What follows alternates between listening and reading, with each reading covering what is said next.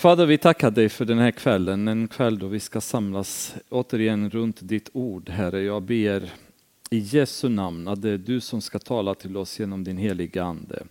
Det är en ständig bön och ständig längtan och önskan som vi har, Fader, att få ord från dig till våra hjärtan som ska ge frukt. Fader, jag ber att du ska se till varje behov i de hjärtan hos de som lyssnar på kvällens bibelstudium och låta ordet att profetiskt verka i de hjärtan som behöver ta emot det, Herre. Jag ber i Jesu namn om förändring i mitt liv, i vår församlingsliv, tillväxt och styrka som du kan eh, ge oss genom ditt ord. Tack för din heliga ande och den ständiga påminnelse om Jesus som man skickar till våra samveten som gör att vi känner en längtan efter dig, Herre. Ibland så tar dagens bekymmer och sysselsättningar över och sen känner vi hur själen inom oss bara längtar tillbaka till dig. Tack Fader, tack för din heliga Ande, tack för Jesus. Jag ber för den här kvällen om din välsignelse över den. Amen. Då ska vi försöka som sagt att hinna med både kapitel 25 och 26. Jag tror det blir genomförbart eftersom det är ganska mycket en berättelse och lite grann upprepande av händelser som vi redan har gått igenom tidigare med Paulus. Men vi lämnade eh, honom förra gången eh, i Caesarea hos eh, ståthållaren Felix där han hade kommit, kan man säga, undanflygande eller flyende från judarna i Jerusalem som ville döda honom. Skickad dit utav kaptenen Claudius Lysias ihop med en stor eh, eskort då, som tog honom hela vägen. Då.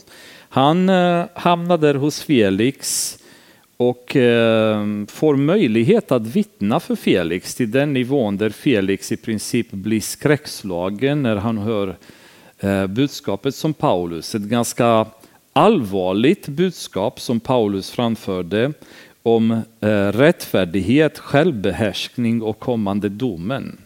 Och vi pratade lite mer om vad det innebär och kanske att det är ett budskap vi borde också använda oss av oftare. Eh, och vi slutade kapitel 24 där det stod att när två år hade gått efterträddes Felix av Porcius Festus. Och då Felix ville hålla sig väl med judarna lät han Paulus bli kvar i fängelset. Eh, så Paulus blev kvar två år i Caesarea under eh, Felix period där. Och vi vet inte så mycket om de här två åren. Vad har Paulus gjort där? Hur har de här två åren sett ut? Men vi vet att hans fångenskap var ganska lätt. Han fick ju möjlighet att få besök och träffa sina vänner och så vidare. Så han var inte kanske i bojor på det sättet och i stockar utan mer frihetsberövad då under den här perioden. Och eh, det är intressant att, att, att, tänka på varför tillåter Gud något sånt? Varför har Gud tillåtit Paulus plötsligt att sitta två år i fängelset i Caesarea? Vad har det gjort för nytta? Och det vet vi egentligen inte.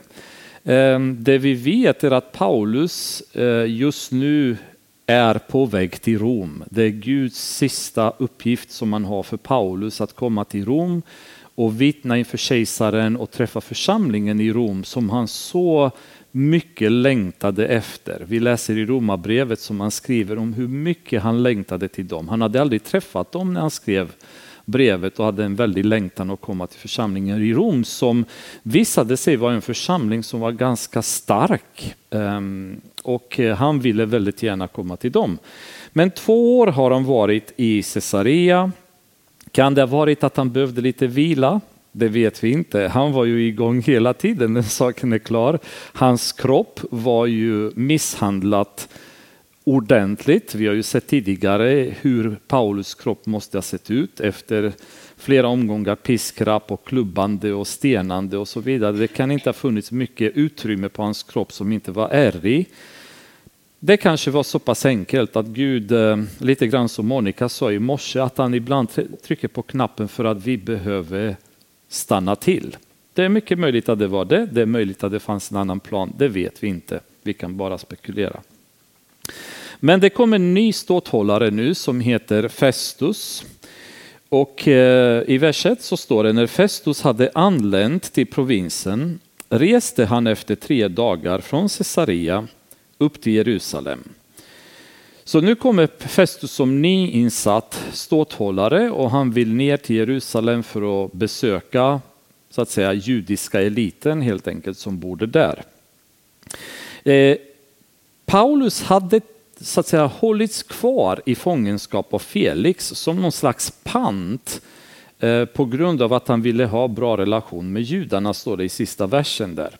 Och Felix relation med judarna hade försämrats eh, mer och mer. Till den punkten där judarna hade blivit frustrerade och Josephus Flavius som är en av eh, judiska eh, historikerna från den tiden berättar att de hade till och med skrivit brev till kejsaren, till Nero vid det här laget, med klagomål mot Felix. Då. Det, i konflikten hade intensifierats så pass så Felix hade till och med planerat mordet på översteprästen Jonathan. Så att eh, på något sätt för att lindra sin situation med judarna och hålla sig hyfsat väl med dem så eh, använde han sig av Paulus som pant, håller honom fången bara för att tillfredsställa judarna och i det här läget så kommer Festus som ny ståthållare. Och det första han gör det är att han vill åka ner och träffa judarna i Jerusalem. Översteprästerna och judarnas ledare framförde då sina anklagelser mot Paulus. De vände sig till Festus och bad att han skulle visa dem godheten att låta Paulus föras till Jerusalem. De planerade nämligen ett bakhåll för att döda honom på vägen. Men Festus svarade att Paulus skulle hållas kvar i Caesarea och att han själv snart skulle resa tillbaka dit. Eh, jag antar, och det är ganska säkert, att Festus informerades om situationen med Paulus av Felix när han lämnade över makten till honom. Att han visste mycket väl varför Paulus var där, att det hade funnits ett försök att mörda honom och transporterades till Caesarea av den anledningen. Det intressanta dock är att se att efter två år så hade judarna fortfarande inte släppt detta. Översteprästerna var fortfarande lika väl bestämda att mörda Paulus och göra sig av med honom. Så det kan vara så att de hade väldigt svårt att glömma. Eller det kan också vara så att under de här två åren Paulus var fortfarande aktiv i evangeliets spridning från sin position i Caesarea. Vi vet att Filippus bodde i Caesarea, vi vet att hans döttrar var profetisor. Det finns en annan intressant karaktär som bodde i Caesarea om ni kanske kommer ihåg. Var, vad hände Apostlagärningarna kapitel 10? Cornelius. Det är till Cornelius Petrus åkte och det, det var Cornelius som fick eh, heliganden då första gången bland hedningarna. Han bodde också i Caesarea. Det kan mycket väl vara möjligt att det fanns en stark kristet, stark kristet centrum i Caesarea med vilken Paulus interagerade och det var ett permanent problem för judarna. Eller så hade de bara väldigt svårt att, att släppa det. Men det, i vilket fall som helst så uppenbarligen så fanns det en sån enorm bitterhet hos etablissemanget, religiösa etablissemanget mot Paulus som hade förvandlats till ren blind hat och mordlust. Och det är ju problemet med bitterhet och det är därför bitterhet i Bibeln eh, rankas som synd och någonting som vi måste passa oss för, för att ha i våra liv. I Efesierbrevet kapitel 4, vers 31 säger Paulus, lägg bort all bitterhet, häftighet och vrede, allt skrikande och förolämpningar och all annan ondska. Så bitterheten är ju eh, placerad ihop med de övriga synderna som skapar stora problem i Kristi kropp. Och tänk själva eh, på människor som har varit bittra genom åren. Det första som, det som händer är att de själva mår fruktansvärt dåligt. För bitterheten den äter upp en inifrån. Eh, det är inte så mycket omgivningen som mår dåligt, även om det kan förpesta omgivningen också. Men man själv är den som mår allra sämst. När hela tiden den här bitterheten äter upp en inifrån. Um,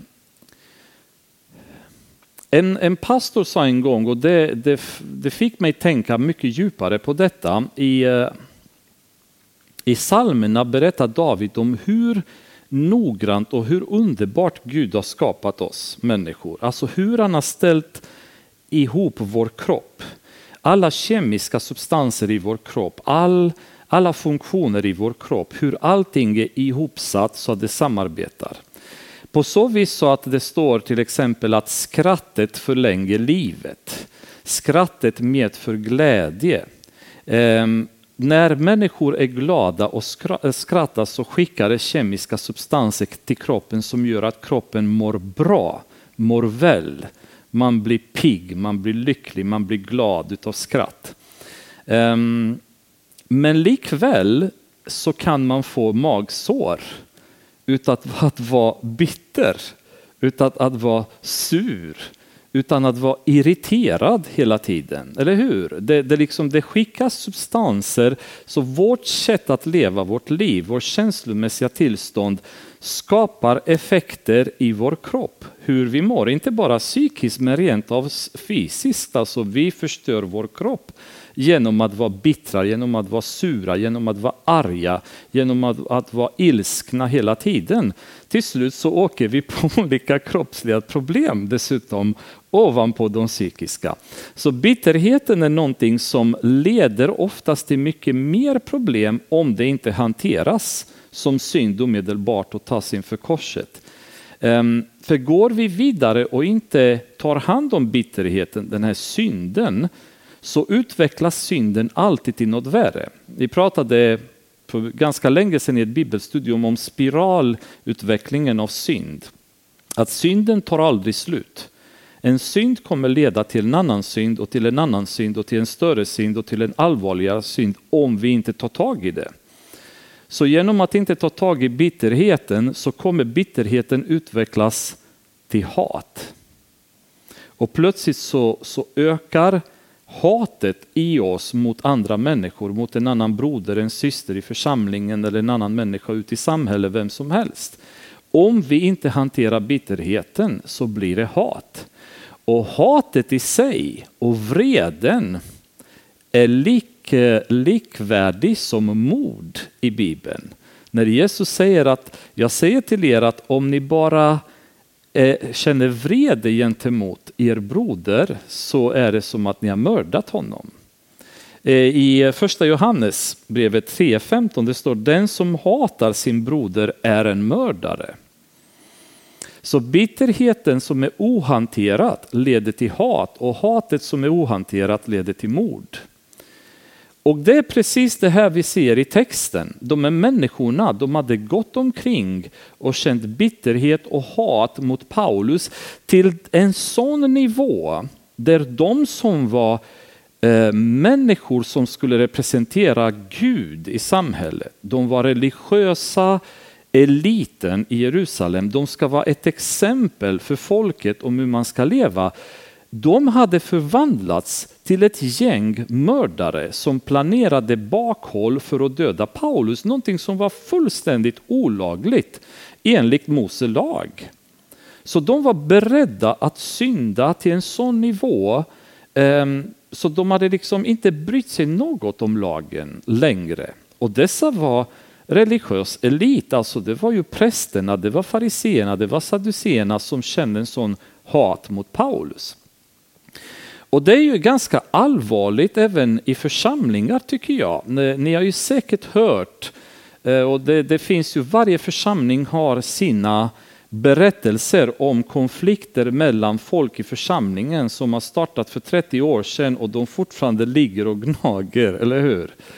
Och det är fruktansvärt att i vår församling, i kristna församlingen, ska sånt ens förekomma.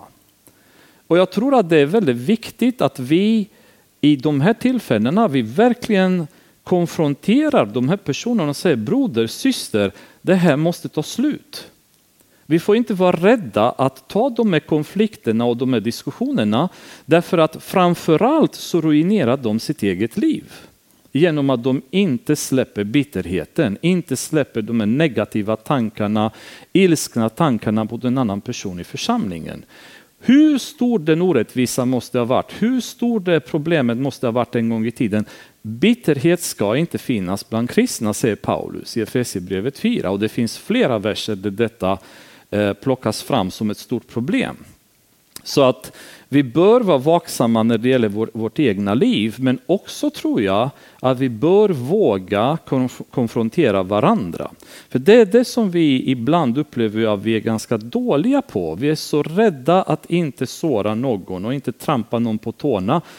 Så när vi ser en broder eller en syster leva i synd, så vågar vi inte konfrontera den personen. Men vilken kärlek är det vi har gentemot varandra om vi ser någon gå på väg mot avgrunden och vi gör ingenting för att rädda den personen och dra tillbaka dem? Är det en riktig kärlek vi har som kristna eller låtsas vi bara älska dem men det får hända vad som händer, det är deras problem. Så jag tror det är väldigt viktigt att vi tänker på detta, för det finns i församlingar permanent problem och det är schismer och det är splittringar och det är ilskna och så vidare personer som aldrig kan släppa någonting som har hänt. Och de själva mår sämst. Ofta så slutar de komma till kyrkan, de vill inte vara med längre. De som de har varit i konflikt med kanske har svårt att släppa också och så vidare. Så bön Eh, och att ta problemet inför Gud är ju viktigt i det här läget så Gud verkligen får bort de här bittra känslorna från våra liv. De här prästerna hade blivit fullständigt förblindade, hatet var så stort så de var beredda att smutsa ner sig till precis vilken nivå som helst bara för att bli av med Paulus. Och därför har det ständigt varit så problematiskt för Paulus att resonera bibliskt med dem. För han varenda gång han plockar ordet, han öppnar, han försöker att förklara. Men i deras värld, det spelar ingen roll vad Guds ordet säger. Det spelar ingen roll vilket bevis Paulus lägger framför dem. De bara skriker av ilska och vill få bort honom. Så det är väldigt svårt för honom att resonera med dem därför att de är bara stängda, arga, hatiska, bittra. Och efter två år som sagt så, så hade de inte möjligt, möjligtvis släppt det än. Men äh, återigen, Festus han känner på sig att det här är inte riktigt rätt, så han säger nej, Paulus får nog allt vara kvar i Caesarea. Men vers eh, 5 så säger han, de som är ledare bland er kan följa med. Och har mannen gjort något orätt kan de lägga fram sina anklagelser mot honom. Festus stannade hos dem i högst åtta eller tio dagar och reste sedan ner till Caesarea. Dagen därpå tog han plats på domarsätet och befallde att Paulus skulle föras in. Så det var ganska omgående eh, så att säga, åtgärd. Dagen efter han kom till Caesarea så säger Festus det här måste vi ta tag i direkt och se om vi kan få en lösning på. När Paulus kom in blev han omringad av judarna som hade rest ner från Jerusalem. Så de, de liksom direkt anföll honom och omringade honom. Och de framförde många svåra beskyllningar, säger Lukas här, som de inte kunde bevisa. Det här är det klassiska hela tiden. De skriker, de gapar, de anklagar, men det finns inte ett enda bevis som stödjer det de säger. Utan det, de hoppas att deras stora skrik och mobbbeteende skulle få Festus att ge efter och släppa Paulus till dem. Paulus försvarade sig och sade, varken mot judarnas lag eller mot templet eller mot kejsaren har jag begått något brott. Det vill säga, ingenting som jag har gjort är varken emot deras lag, varken emot tempelreglerna eller emot kejsaren. Ingenting utav det jag har gjort är emot något av detta. Men Festus, som ville hålla sig väl med judarna, frågade Paulus, vill du komma upp till Jerusalem och dömas där inför mig i denna sak? Paulus svarade, jag står inför kejsarens domstol och här ska jag dömas. Judarna har jag inte gjort något ont, det vet du mycket väl. Om jag är skyldig och har gjort något som förtjänar döden så är jag beredd att dö. Men om det inte ligger något i deras anklagelse kan ingen utlämna mig åt dem. Jag vädjar till kejsaren. Festus överlade med sitt råd och svarade sedan till kejsaren har du vädjat, till kejsaren ska du fara. Här säger Paulus, Festus du vet mycket väl att jag inte gjort något ont. Så han visste att Festus var informerad om situationen som, som hade varit. Eh, och Paulus vet att till Jerusalem vill jag inte, för de vill mörda mig där. Och då som romersk medborgare så hade man rätt i ett, en situation då man var orättvist behandlad att kräva att bli dömd eller bli för, förhörd eller hörd utav kejsaren. Eh, utom när man var anklagad för mord. I det fallet så fick man inte begära eh, förhör hos kejsaren, men i alla andra situationer, om man upplevde att den här rättegången är orättvis mot mig, då kunde man kräva att kejsaren fick döma istället. Och Paulus, genom åren så ser vi att han har hela tiden fått beskydd och acceptans utav romarna. De som hatade honom, det var judarna. Så han vet ju direkt att hos romarna kan jag få rättvisa och jag begär att få, jag får träffa kejsaren istället. Det är min rättighet som romersk medborgare. Och det är intressant att Paulus hade lidit fruktansvärt mycket för evangeliet. Men han var inte intresserad att lida i onödan. Han hade inget intresse att bli piskad i onödan. Kommer ni ihåg när de var på väg att piska honom? Han sa, ska ni piska en romersk medborgare utan rättegång, utan att vara anklagad för något? Oj, sa de, ursäkta ungefär. Han, hade, han ville inte ta sig en ordentlig piskomgång bara för att. Han ville inte riskera att åka till Jerusalem och bli mördad bara för att. Och det är ju också något som vi behöver tänka på, för ibland i alla fall, jag har många gånger läst i Bibeln och man ser hur de lider, hur de kämpar, vad de går igenom. Och då känner man ibland att, oh, varför gör inte vi det idag? Varför, varför lider inte vi idag så som de gjorde?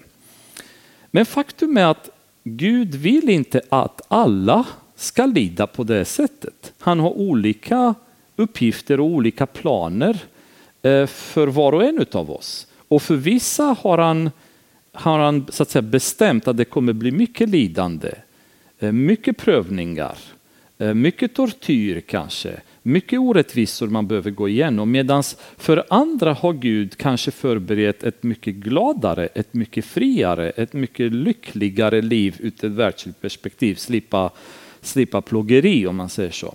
Så det finns sådana människor som automatiskt vill plågas för att på något sätt få en bekräftelse att de lever ett gott kristet liv. Och jag tror att det är fullständigt meningslöst att göra det. Eh, är det så att vi möter eh, problem, då ska Gud vara med oss och ta oss igenom det problemet. Men vi behöver inte aktivt söka att bli plågade, utan hamnar vi i ett läge då vi måste eh, möta förföljelse, då ska vi vara beredda att göra det.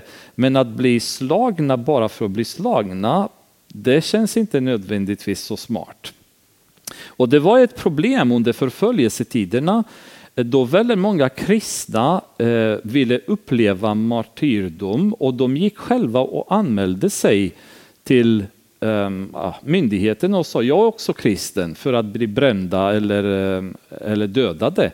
Och det blev nästan efter ett tag att man fick säga till, vänta lite, det är inte, det är inte den typen av martyrdom som ni ska vara beredda att utgå. Ni ska inte söka martyrdom, men ni ska vara beredda och acceptera det om ni kommer dit. Då.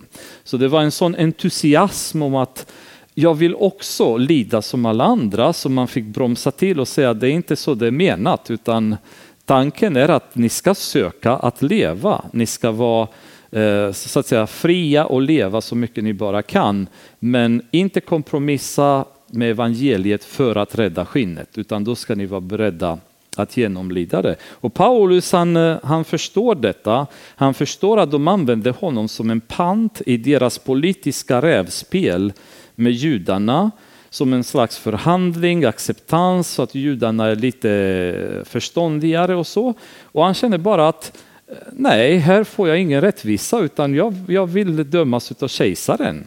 Och Festus blir lite ställd, han konsulterar sig med sin, sina rådsmän och kommer fram till att du har rätt att träffa kejsaren, du har begärt det och kejsaren ska du få träffa.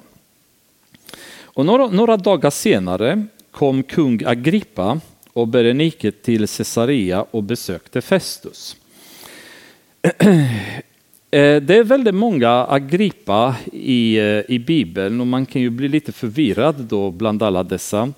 Men denna kung Agrippa är eh, den kallade kung Agrippa den andre och det är son till Herodes Agrippa som hade mördat Johannes, lärjungen, i början på apostlagärningarna, som blev uppäten av eh, maskar därefter på grund av hans hädande attityd.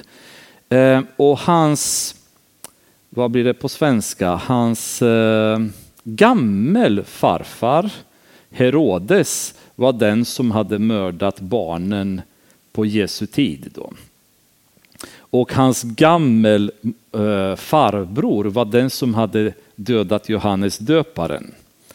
Så hela den här familjen har varit väldigt inblandad kan man säga i kristna eh, tron, allt ifrån att döda barnen när Jesus föddes till att döda Johannes döparen, till att döda Jakob lärjungen. Och Agrippa nu, den andre, är alltså son till Herodes Agrippa som dödade Jakob. Och han var bror till Drusilla. Ni kommer ihåg henne sedan kapitel 24, Felix fru. Och är bror till Berenike som finns i vår text här. Så Berenike är också dotter till Herodes Agrippa den förste. Det skumma är här dock det är att historikerna, speciellt Josephus Flavius, skriver att Berenike med Agrippa den andre levde i ett incestuöst förhållande. Så syster och bror, de levde tillsammans. Och eh, det hade tydligen blivit väldigt mycket skriverier eller eh, rykten in i romarriket på grund av detta, men de brydde sig inte utan de körde som de ville. Så det är en, en konstig situation då kan man säga, men de är judar båda två. Så att eh, både kungagripa den andra och Berenike, de är egentligen judar. Men han var ju kungen i Judeen på den tiden och de besökte Festus. De stannade där i flera dagar och Festus lade fram Paulus fall inför kungen. Här är en man, sade han, som Felix har lämnat kvar som fånge. När jag var i Jerusalem framförde judarna överstepräster och äldste klagomål mot honom och krävde att få honom dömd. Men jag svarade dem att romarna inte brukar utlämna någon innan den anklagade har mött sin anklagare ansikte mot ansikte och fått möjlighet att försvara sig mot beskyllningarna.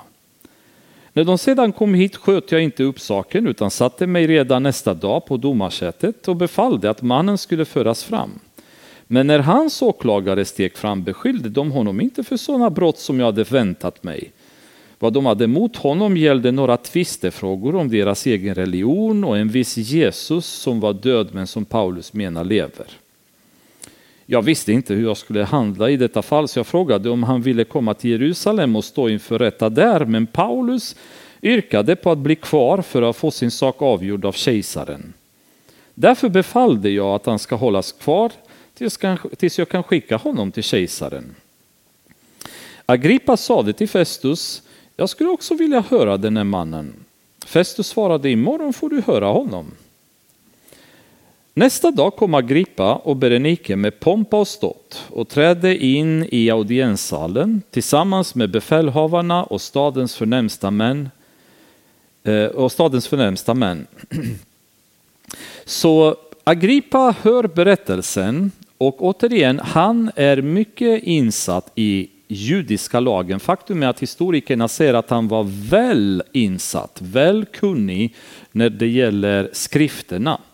Dessutom så med tanke på familjens historia så visste han mycket väl vem Jesus var. Så när Festus nämner denna Jesus som i Festus värld var någon, han hade ingen aning vem det var eftersom han var romare. Agrippa, han vet mycket väl vad detta handlar om och då säger han, jag skulle också vilja höra den här mannen i så fall. Och nästa dag så blir det som ett, en, eh, vad ska man säga, en, en, ett tillfälle av att höra Paulus. Så det här blir inte en domarsal därför att de kunde inte döma Paulus längre eftersom han hade begärt att höras av kejsaren. Utan det här var mer en kuriosa, intressant förhör och höra vad har den här mannen att säga som har orsakat hela den här uppståndelsen. Så det blir som en slags underhållningsmoment för stadens eh, elit men också intressant tillfälle att höra vad är detta för något då? För där kommer Agrippa som är jude samtidigt som kommer romerska eliten och alla andra som tillsammans ska möta Paulus.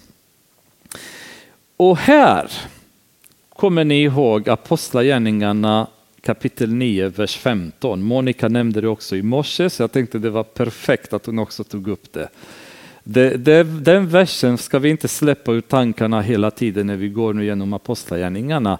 Att Gud har sagt till Ananias att Paulus skulle predika evangeliet till hedningarna, till judiska folket, men också till kungar. Och det hade inte Paulus fått möjlighet att göra än. Men nu nu uppfylls Apostlagärningarna kapitel 9, vers 15. Väldigt många år har gått sedan dess. Så Guds sätt att se framtiden har en helt annan tidslinje än vår bristande tålamod har när vi vill att saker ska hända snabbt. Eller när vi ibland tappar tålamodet och börjar hitta på själva sätt för att påskynda Guds profetia att uppfyllas. Ni kommer ihåg Abraham och Sara när Gud säger att ni kommer att få en son. Men de tappar tålamodet, de väntar och väntar och väntar och så händer ingenting. Och så till slut tappar de tålamodet och ska hjälpa Gud på traven och, och få en son. Men det blir misslyckat. Det blir fel person liksom som föds som blir ett stort problem för hela judiska folket. Därefter så är de idag ständiga konflikter mellan judar och araber. Då. Så att en kompromiss eller en, en bristande tålamod ledde till mycket problem som orsakades för hela världen därefter kan man säga. Eh, och, och, därför är det så viktigt att vi behöver tro på Guds profetia, men vi behöver vänta på att han uppfyller det när han vill. För allting har en timing och, och Gud um, gör inte bara saker för att göra dem, utan de ingår i en stor universell plan för hur han vill fullfölja sin frälsningsplan för världen. I vilken plan vi är små pjäser som Gud flyttar efter sitt behag, så som han vill, när han vill och hur han vill. Han är ju ehm, så att säga ehm, krukmakaren då och det är han som behandlar leran och formar och anpassar det efter sitt mål. Vi behöver bara hänga med. Så rastlösheten som vi kan få i vårt liv ibland och känna bara varför händer ingenting? Varför ser inte jag förändring? Varför är mitt liv så som det är fortfarande? Varför ser vi inte väckelse? Varför, varför, varför? Alla dessa varför som är nyckelordet i hela jobbboken. Varför? Det enda han frågar hela tiden. Varför? Varför? Varför? Jo, därför, men det dröjde länge innan Jobb kunde se varför. Och under den tiden så var jag bara frustrerad och frågade varför allt detta? Och Paulus, han, ehm, han hamnar nu i det här läget som profeterades för många, många, många år sedan att han skulle befinna sig i. Då. Och får nu tala inför både kungagripa och hela etablissemanget. För det står här att nästa dag kom Agrippa, Berenike med pompa och ståt och trädde in i audienssalen tillsammans med befälhavarna och stadens främsta män, inklusive Festus då, som var ståthållaren. Så hela stadens elit, hela stadens etablissemang hade kommit nu för att lyssna på Paulus. Vilket tillfälle som är så fantastiskt. Nu är det så här att som kristna så hamnar vi faktiskt ibland i sådana lägen. När vi står inför människor som är av vikt på olika sätt. Antingen för att eh, vi är tvungna till att vi hamnar i en rättegång kanske. Ni kommer ihåg Åke Gren som åkte, eh, anklagades i sin predikan mot homosexualitet och han fick eh, han fick hamna i rättegång och han stod i rättegången fast beslutet att vittna om evangeliet för domarna och alla som var i salen. Vi kommer kanske hamna i sådana tillfällen. Vi kommer kanske hamna inför våra lärare i skolor. Vi kommer kanske hamna på våra arbetsplatser. Vi kanske kommer ha ett möte med politiker till exempel ehm, och så vidare. Det kan finnas tillfällen när vi får människor som är ju ehm, skrämmande viktiga för oss där vi behöver stå framför och um, förklara oss själva för olika saker eller utav olika anledningar.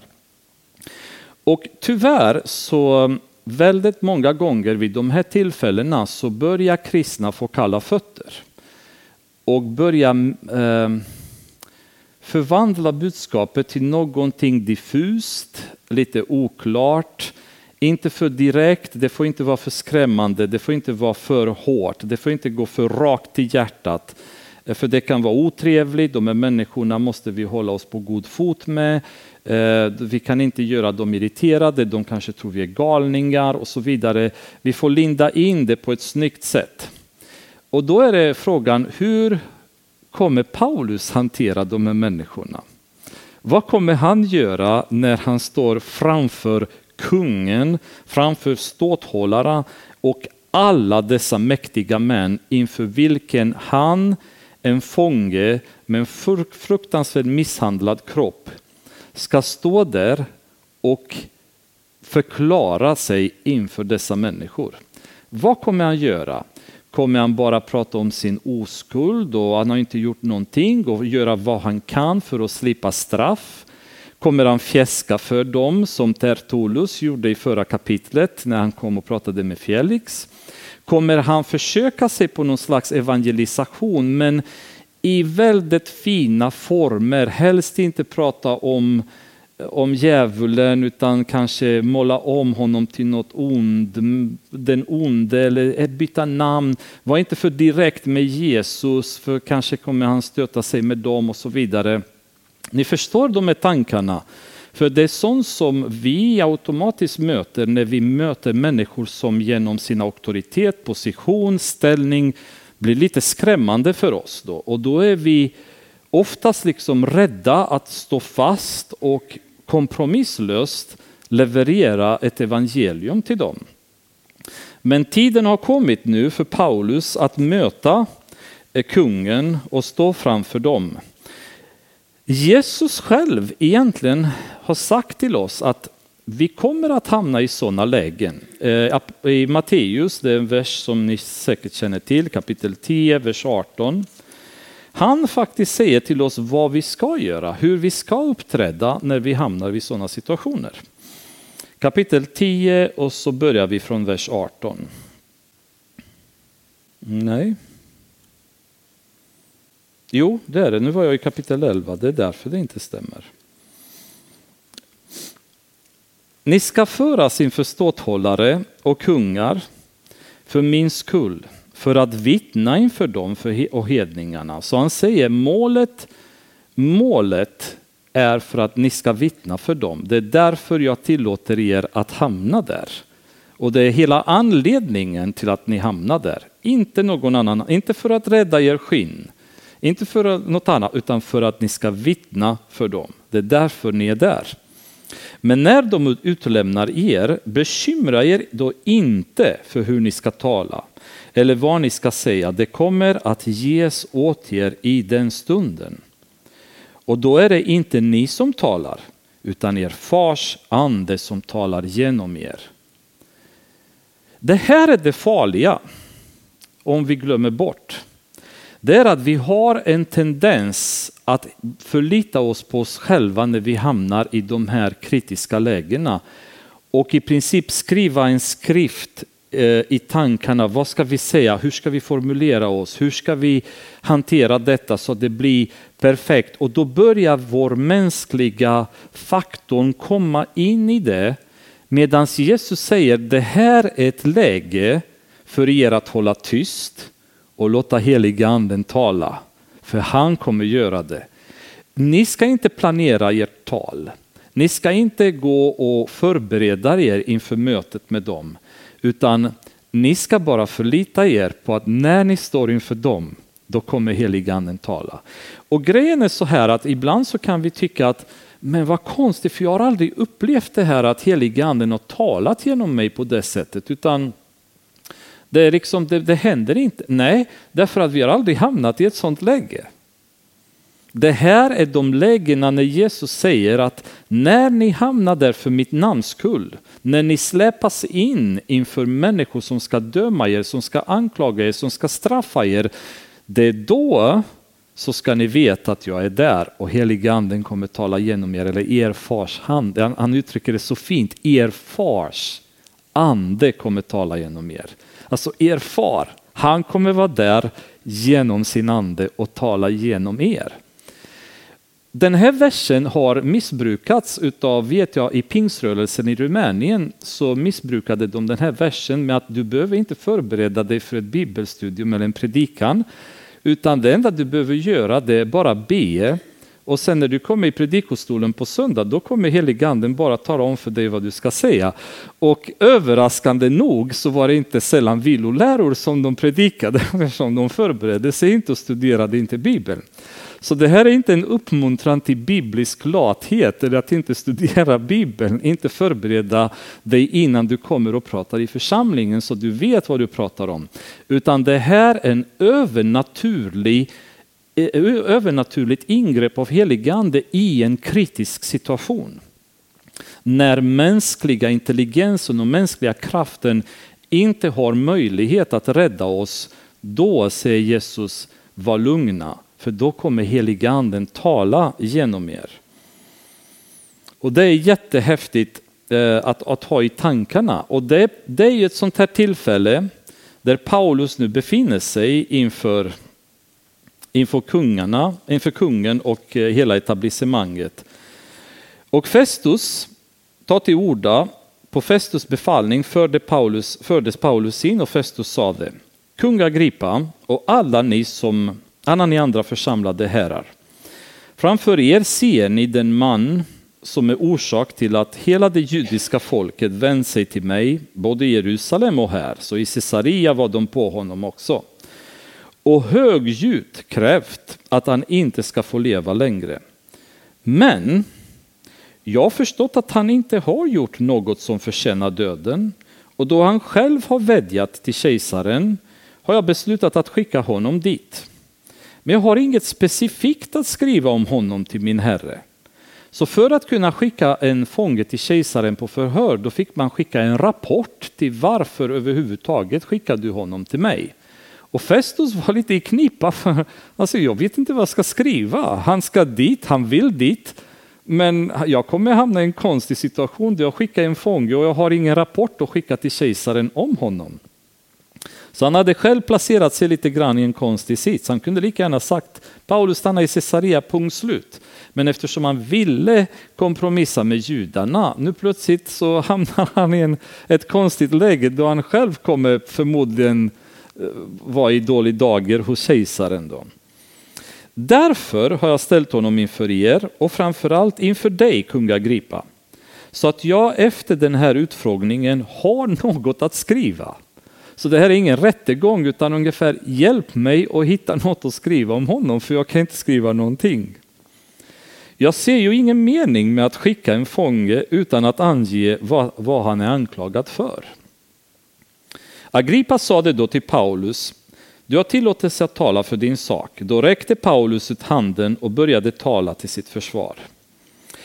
Kung Agrippa, jag är tacksam att det är inför dig jag får försvara mig idag mot allt som judarna anklagar mig för. Särskilt som du är väl insatt i judarnas alla seder och tvistefrågor. Därför ber jag dig att lyssna på mig med tålamod. Så även Paulus själv visste att Agrippa var väl insatt, han var jude, han kunde lagen. Så äntligen ungefär så känner Paulus, nu kan jag prata med någon som faktiskt fattar vad jag säger. För Felix fattar ingenting, Festus fattar ingenting. Men nu äntligen får prata med en kung Agrippa som är insatt i frågorna och han kommer förstå. Hur mitt liv har varit från det att jag var ung, från första början bland mitt folk och Jerusalem, det vet alla judar.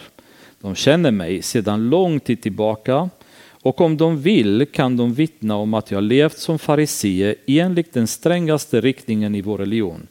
Och det är intressant, han säger om de vill kan de vittna. Med andra ord, de vet ju mycket väl, det är bara att de vill inte erkänna det, men om de vill så kan de erkänna att jag levt så.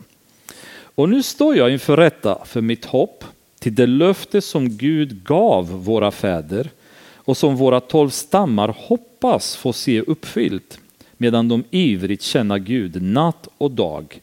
För det hoppet, kung Agrippa, står jag anklagad av judarna. Varför anses det otroligt bland er att Gud uppväcker döda? Väldigt intressant fråga. Varför anses det otroligt bland er att Gud uppväcker döda? När det, det, det var ju profeterat att det skulle ske. Och nu är det så här att vi vet att saduceerna trodde inte på att det fanns liv efter döden, att det fanns dödas uppståndelse. Men fariseerna trodde det. Det är bara deras tro var ganska teoretiskt, dock inte praktiskt. Och när Jesus uppväcktes från de döda, då gick alla de här kategorierna ihop, översteprästerna, saduceerna, fariseerna och kom överens om att komma med en, en falsk historia om att lärjungarna hade stulit Jesu kropp. Därför var de så hatiska och så aggressiva varenda gång Paulus pratade om Jesu uppståndelse för det förstörde deras story. Allting de hade byggt upp, hela den här fabrikationen av berättelser rasade samman om Jesus hade uppstått på riktigt. Och inte bara att det hade funnits vittnen att han hade gjort efter han kom tillbaka på jorden efter uppståndelsen. Men Paulus som var en hängiven farisee på Damaskus väg säger jag har mött honom. Det här är på riktigt. Det har hänt. Oh, då exploderar de därför att den här lögnen som de har så strategiskt byggt upp kommer haverera. Och Paulus säger varför kan det vara så otroligt bland er att Gud uppväcker döda? Själv såg jag det som min plikt att göra allt för att bekämpa Jesu Nazariens namn. Och det gjorde jag också i Jerusalem. Många av de heliga satte jag i fängelse med full makt från översteprästerna och när man ville avrätta dem röstade jag för det. Överallt i synagogorna straffade jag dem gång på gång och tvingade dem att häda. I mitt vilda raseri förföljde jag dem ända till utländska städer. När jag var på väg till Damaskus med full makt och uppdrag från översteprästerna fick jag under resan, kung Agrippa, mitt på dagen se ett ljus från himlen. Det var starkare än solen och strålade omkring mig och mina följeslagare. Vi föll alla till marken och jag hörde en röst som sade till mig på hebreiska Saul, Saul, varför förföljer du mig? Det blir hårt för dig att sparka mot udden. Jag sade, vem är du Herre? Och Herren svarade, jag är Jesus, den som du förföljer. Men res dig och stå på dina ben. Jag har visat mig för dig för att utse dig till tjänare och vittne både till det du har sett och till det jag ska visa dig. Och jag ska rädda dig från ditt eget folk och från hedningarna. Jag sänder dig till dem för att öppna deras ögon, för att vända dem från mörker till ljus och från Satans makt till Gud, så att de får syndernas förlåtelse och en plats bland dem som helgats genom tron på mig. Oh, vilket rakt budskap. Är inte det lite för extremt att nämna Satan när man står och vittnar för någon? Kommer inte det få folk att känna sig lite obekväma och tycka att vad konstigt, måste ni prata så här? Vore det inte bättre att säga den onde, Är det från ondska, eller från någonting annat, finare målat? Varför måste det vara Satan? Varför måste det vara så tydligt sagt? För det låter ju väldigt intensivt, väldigt aggressivt. Att vända dem från mörker till ljus. Menar du att vi lever i mörkret? Alltså kungagripa, jag och alla andra runt omkring mig. Menar du Paulus att vi lever i mörker? Vi fattar ingenting. Tror du att vi är dumma i huvudet? Vi är pålästa, vi är kunniga, vi fattar så mycket. Hade inte ni så som jag formulerat om det här lite mildare så att det går hem hos kung Agripa? Så de, de accepterar vårt budskap. De, de tycker att det låter lite finare, lite trevligare att ta emot. För idag, eller hur, när, när man predikar evangeliet och man gör det som förr i tiden, då betraktas man som fanatisk även i våra egna församlingar. Om man, man predikar en väckelsepredikan som man gjorde förr i tiden så betraktas man som fanatisk. Om man predikar mot synd och mot förödelse, mot förstörelse, mot eh, bara allt som, som är, är, är cancer i våra församlingar så blir det folk obekväma. Och hela, hela predikandet om, om helvetet som väntar dem som inte omvänder sig blir stötande även för kristna idag att predika, desto mer att gå till världen och predika. Men Paulus levererar ett väldigt tydligt budskap och han tar fram och säger det är mörker och det är ljus. Och det är Satan eh, som försöker att ha makt och det är den makten som Gud vill bryta. Det är det Jesus kommer försöka att göra, det är det han har kallat mig till. Väldigt rakt budskap. Och det ger genom tron på mig. Men vad säger du? Bara tron på Jesus. Men vi har Diana och vi har Artemis och vi har den och vi har den och vi har... Menar du att bara på Jesus ska vi tro? Menar du att islam är fel? Menar du att buddhism är fel? Menar du att hinduism är fel? Då måste du vara en galning, du är extremist. Du är någon slags eh, domedagsfanatiker som inte begriper att alla väggar går till Gud. Och Paulus säger i detta polyteistiska värld till eliten, säger det är tron på honom som gäller.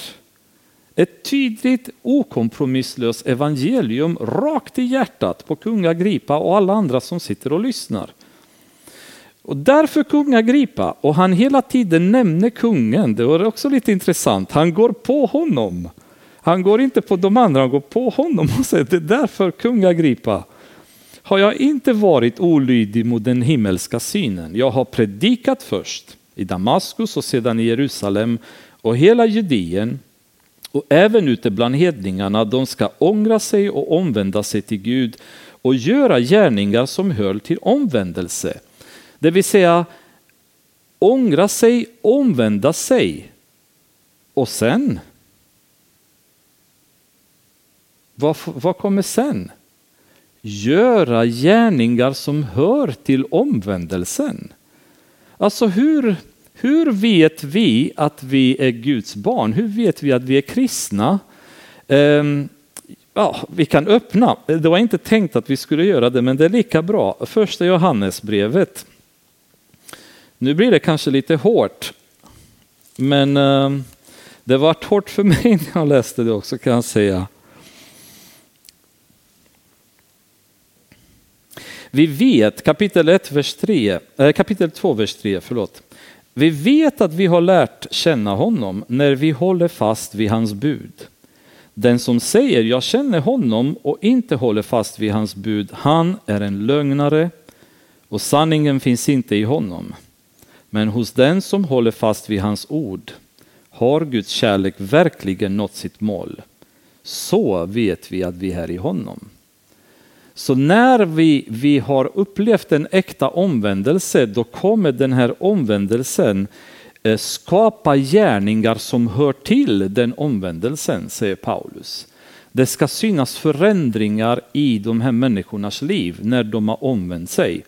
Annars måste vi verkligen gå tillbaka och se, är vår omvändelse på riktigt eller har vi bara gråtit på ett möte eller eh, haft en slags känslomässig upplevelse? Är vi verkligen förändrade på nytt så att vi ser att Guds frukter blir våra frukter för vi är ympade i honom som träd så vi kan inte bära andra frukter än det som Gud har själv.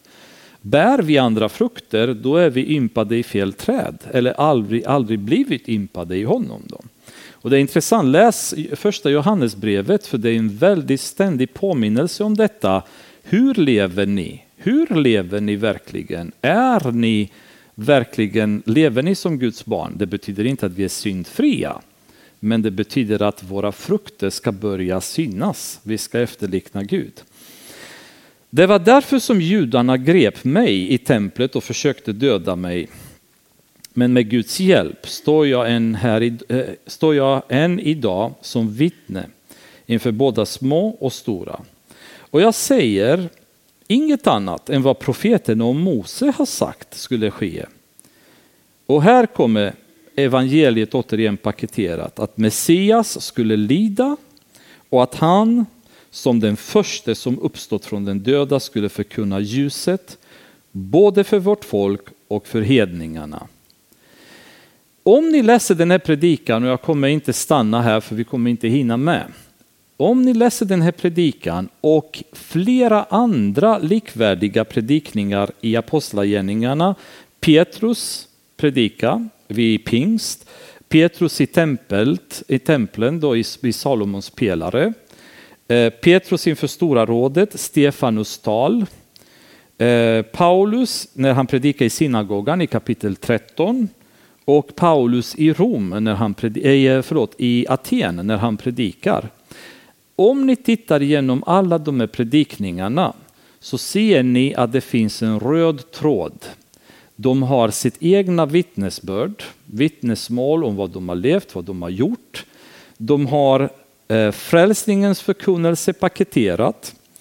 De har skriftbevis och de citerar till skrifterna, alltså bevisar det de säger de får in Jesus som Gud, Jesus som Herre. De får hela världen som Guds plan, alltså evangeliet ska gå till hela världen.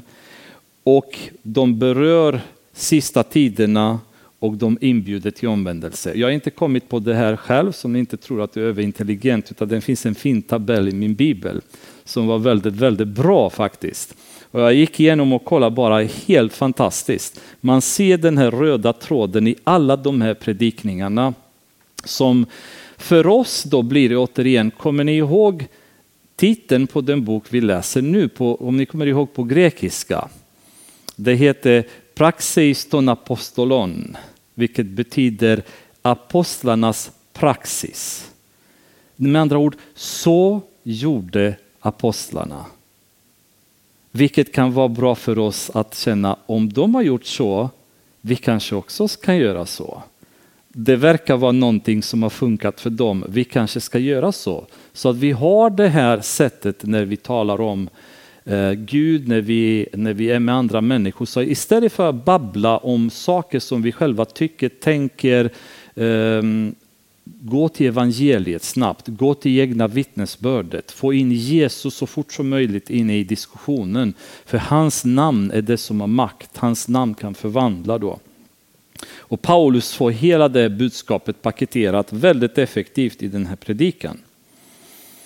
När han sade detta i sitt försvarstal ropade Festus, du är galen Paulus, din stora lärdom driver dig till vanvett. Men Paulus svarade, jag är inte galen högt ärade Festus. Det jag säger är sant och förnuftigt. Och nu går han återigen och refererar till kungen. Kungen känner ju till allt detta och därför talar jag också öppet och rakt till honom.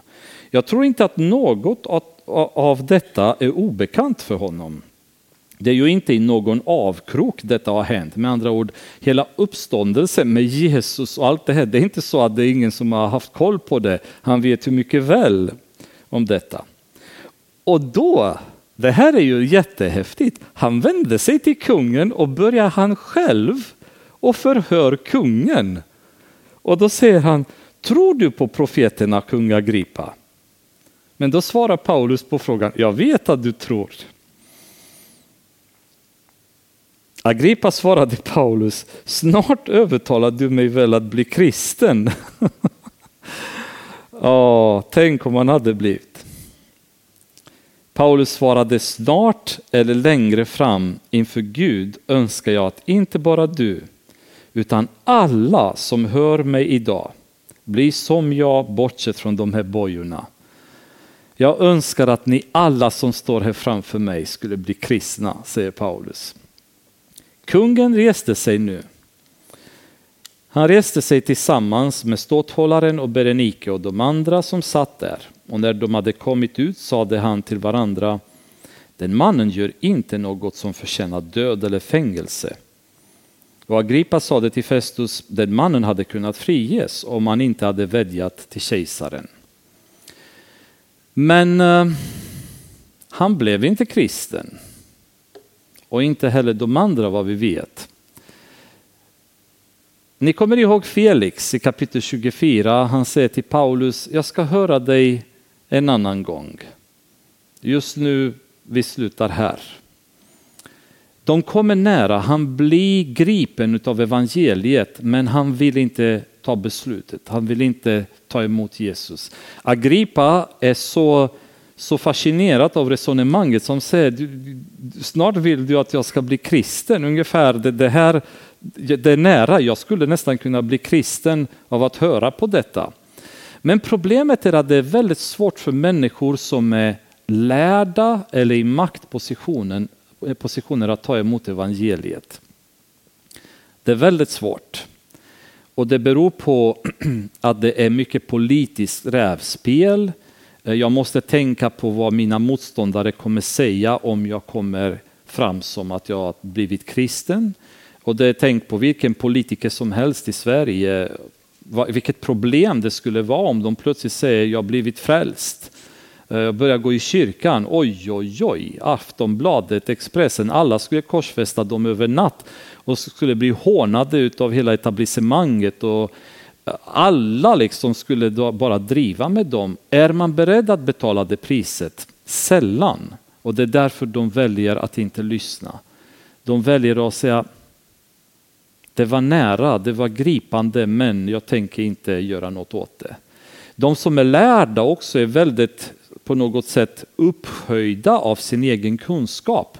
Så de vägrar på något sätt acceptera kristendomen för kristendomen är för enkelt. Att tro på Jesus är, är för enkelt. Det är, liksom, det är nästan dåligt för mig som så pass höglärd människa att sänka mig till den nivån, till de här tronsgrejerna då som kristna håller på med. Nej. Mycket intressant, jag lyssnar gärna, jag läser gärna lite böcker, jag, jag gillar att läsa Bibeln och så vidare för det är en intressant bok. Men jag tänker inte riktigt förändra något i mitt liv. Det är väldigt svårt tyvärr för människor som är mäktiga, lärda och ta emot evangeliet. Eh, och det är ingenting jag hittat på, utan det är någonting faktiskt som Paulus konstaterar själv. Eh, I första Korintierbrevet är han fantastisk. Några av mina riktigt så goa favoritverser som jag absolut citerar gång på gång. För det ger mig förtroende i, i, eh, i den tron vi har på Gud och vad han betyder för oss. Eh, första kapitlet, vi kan börja läsa från vers 21. När världen inte genom sin visdom lärde känna Gud, i, i hans vishet beslöt Gud att genom dårskap vi förkunnar frälsa dem som tror.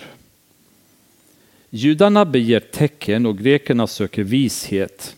Men vi predikar Kristus som korsfäst. För judarna en stötesten och för hedningarna en dårskap. Men för de kallade, både judar och greker, predikar vi Kristus som Guds kraft och Guds vishet. Guds dårskap är visare än människor och Guds svaghet är starkare än människor.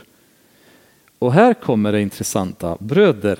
Och det, här ska vi se på oss själva, för jag tycker det är lite häftigt. Bröder, Se på er egen kallelse. Inte många av er var visa på världens sätt. Inte många var mäktiga, inte många förnäma.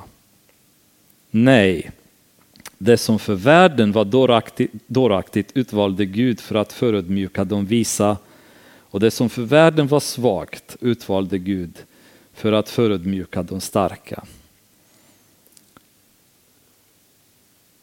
Det är Guds församling idag.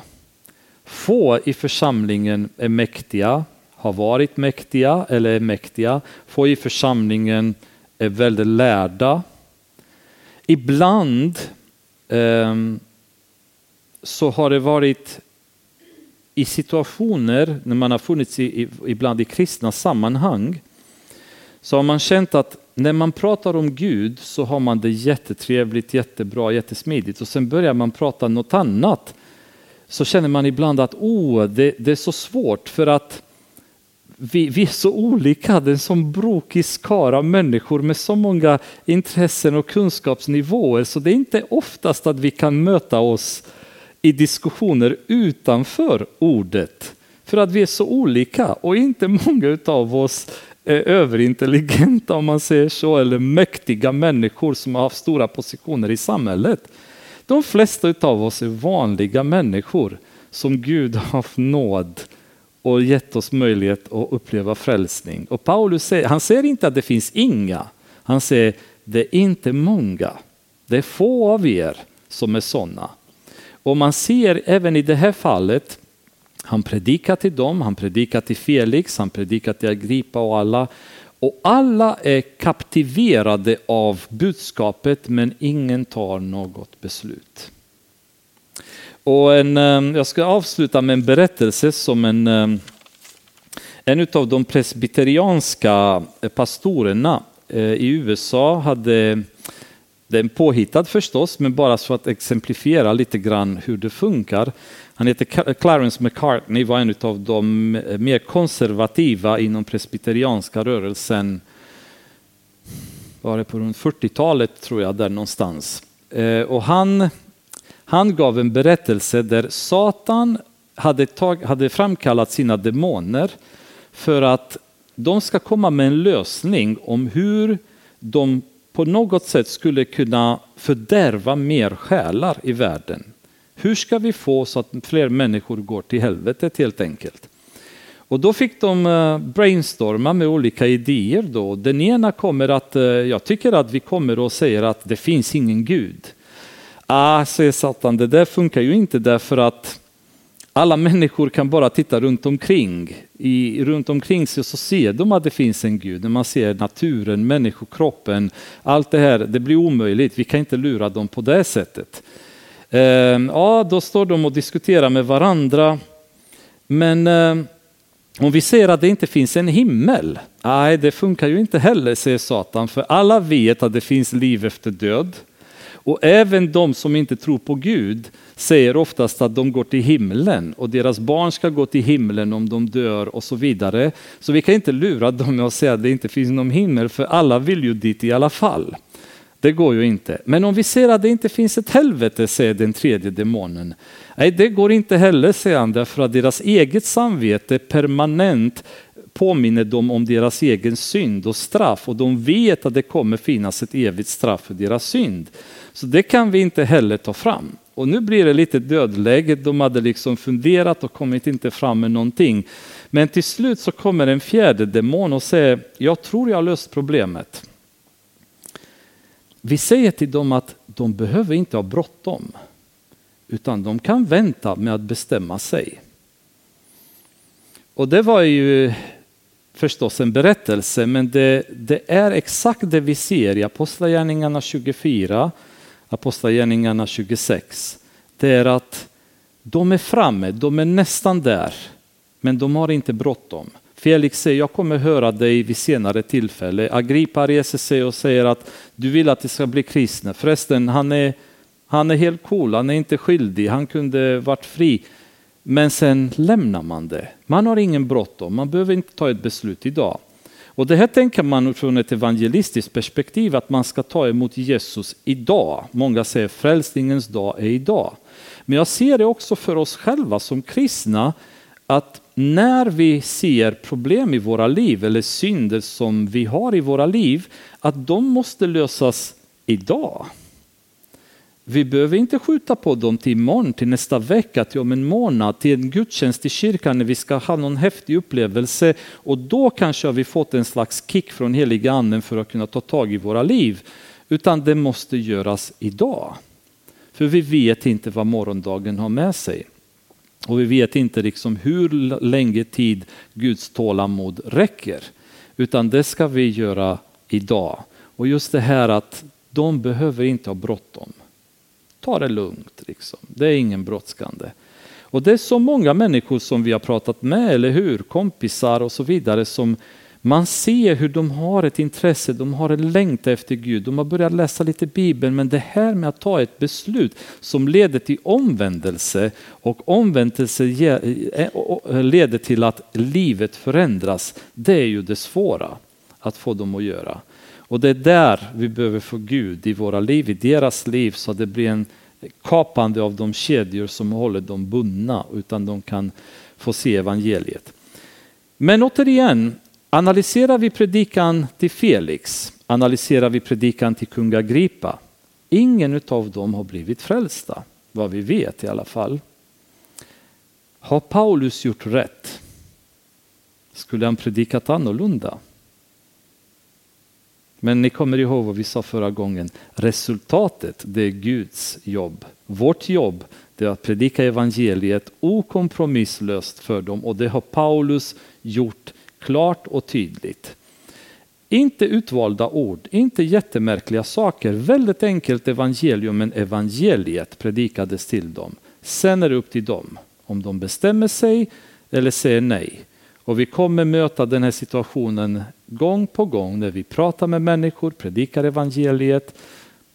De är inte intresserade, de vänder ryggen. Vi har gjort allt vi har kunnat, men vi får aldrig kompromissa på evangeliets budskap för att fylla församlingen med människor, för då har vi misslyckats. Evangeliet måste vara kompromisslöst. Om de kommer till kyrkan, om de blir frälsta, det är deras problem.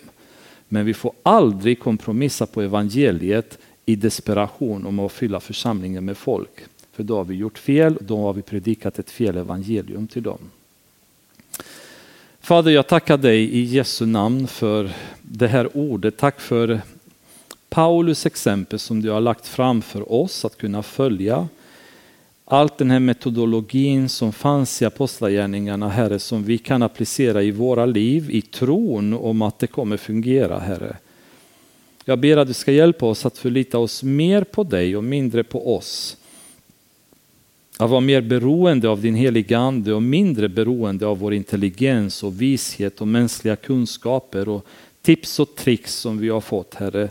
Utan bara kunna överlämna våra liv till dig så du kan lägga ehm, smörjelse över våra ord Herre när vi predikar evangeliet.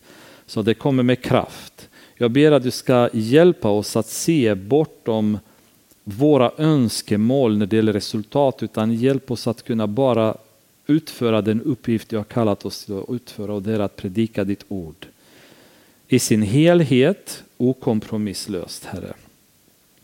Låt oss aldrig vara bekymrade om vem som kan stötas av det här ordet, vem som ska bli irriterad på det, vem som kan tycka det är jobbigt att höra.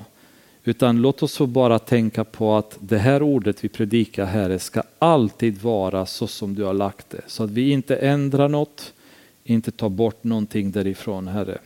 Utan att predika evangeliet så som du har lagt det. Ge oss kraft, styrka, vishet Herre i din heliga Ande göra det. Och i Jesu namn ber vi detta. Amen.